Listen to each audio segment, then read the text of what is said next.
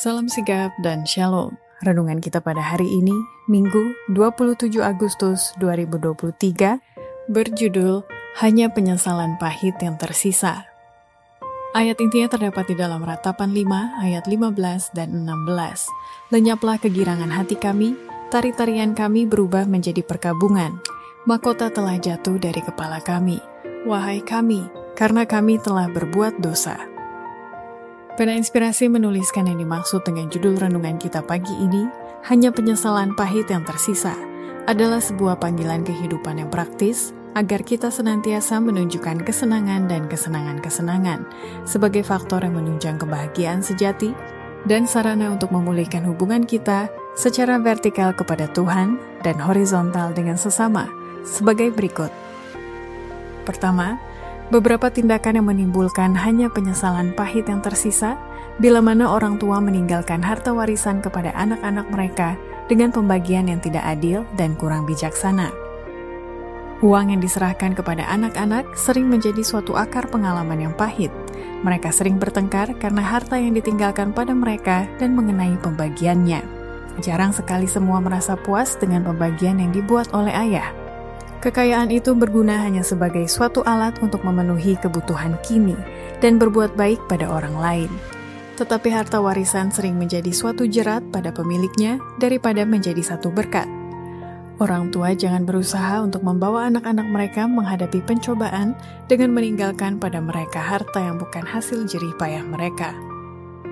Kedua, beberapa tindakan yang menimbulkan hanya penyesalan pahit yang tersisa Bila mana orang tua memberikan harta mereka pada anak-anak mereka di saat mereka sendiri masih bertanggung jawab atas penggunaan atau penyalahgunaan talenta yang dipinjamkan oleh Allah pada mereka.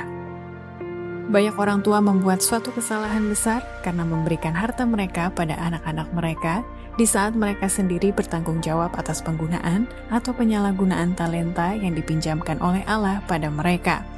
Tidak pula, baik orang tua atau anak-anak berbahagia atas pemindahan harta ini. Dan orang tua, jika mereka hidup beberapa tahun lagi, umumnya menyesal akan tindakan mereka ini. Cinta orang tua di dalam anak-anak mereka tidaklah ditambah oleh perbuatan ini. Anak-anak tidak merasa bertambah rasa terima kasih dan tugas pada orang tua mereka karena kedermawanan hati mereka. Rupanya, satu kutuk terletak pada landasan perbuatan ini yang berkembang menjadi sifat cinta diri di pihak anak-anak dan ketidakbahagiaan dan perasaan cemas di pihak orang tua. Ketiga, beberapa tindakan yang menimbulkan hanya penyesalan pahit yang tersisa bila mana hal-hal yang suci dan abadi tidak mampu membuka hati orang-orang yang mengaku sebagai pengikut-pengikut Kristus dengan tidak mau memberikan persembahan dengan suka hati guna membantu pengabaran Injil merupakan fakta yang sangat disesalkan bahwa hal-hal yang suci dan abadi tidak mampu membuka hati orang-orang yang mengaku sebagai pengikut-pengikut Kristus untuk memberikan persembahan dengan suka hati guna membantu pengabaran Injil, seperti berhasilnya rangsangan pesta-pesta dan kepelesiran membuka hati mereka. Suatu kenyataan yang menyedihkan bahwa bujukan-bujukan semacam itu berhasil, sedang perkara-perkara yang suci dan kekal tidak mampu mempengaruhi hati untuk melakukan perbuatan-perbuatan amal. Keempat, beberapa tindakan yang menimbulkan hanya penyesalan pahit yang tersisa bila mana timbul perpecahan atau perselisihan di kalangan umat Tuhan untuk melemahkan pengaruh kebenaran Allah.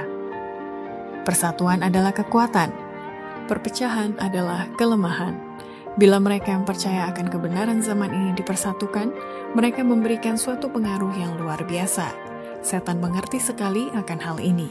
Belum pernah sebelumnya ia lebih bertekad seperti sekarang ini untuk melemahkan pengaruh kebenaran Allah oleh menyebabkan kepahitan dan perselisihan di kalangan umat Tuhan. Demikianlah renungan kita pada hari ini. Kiranya Tuhan memberkati kita semua.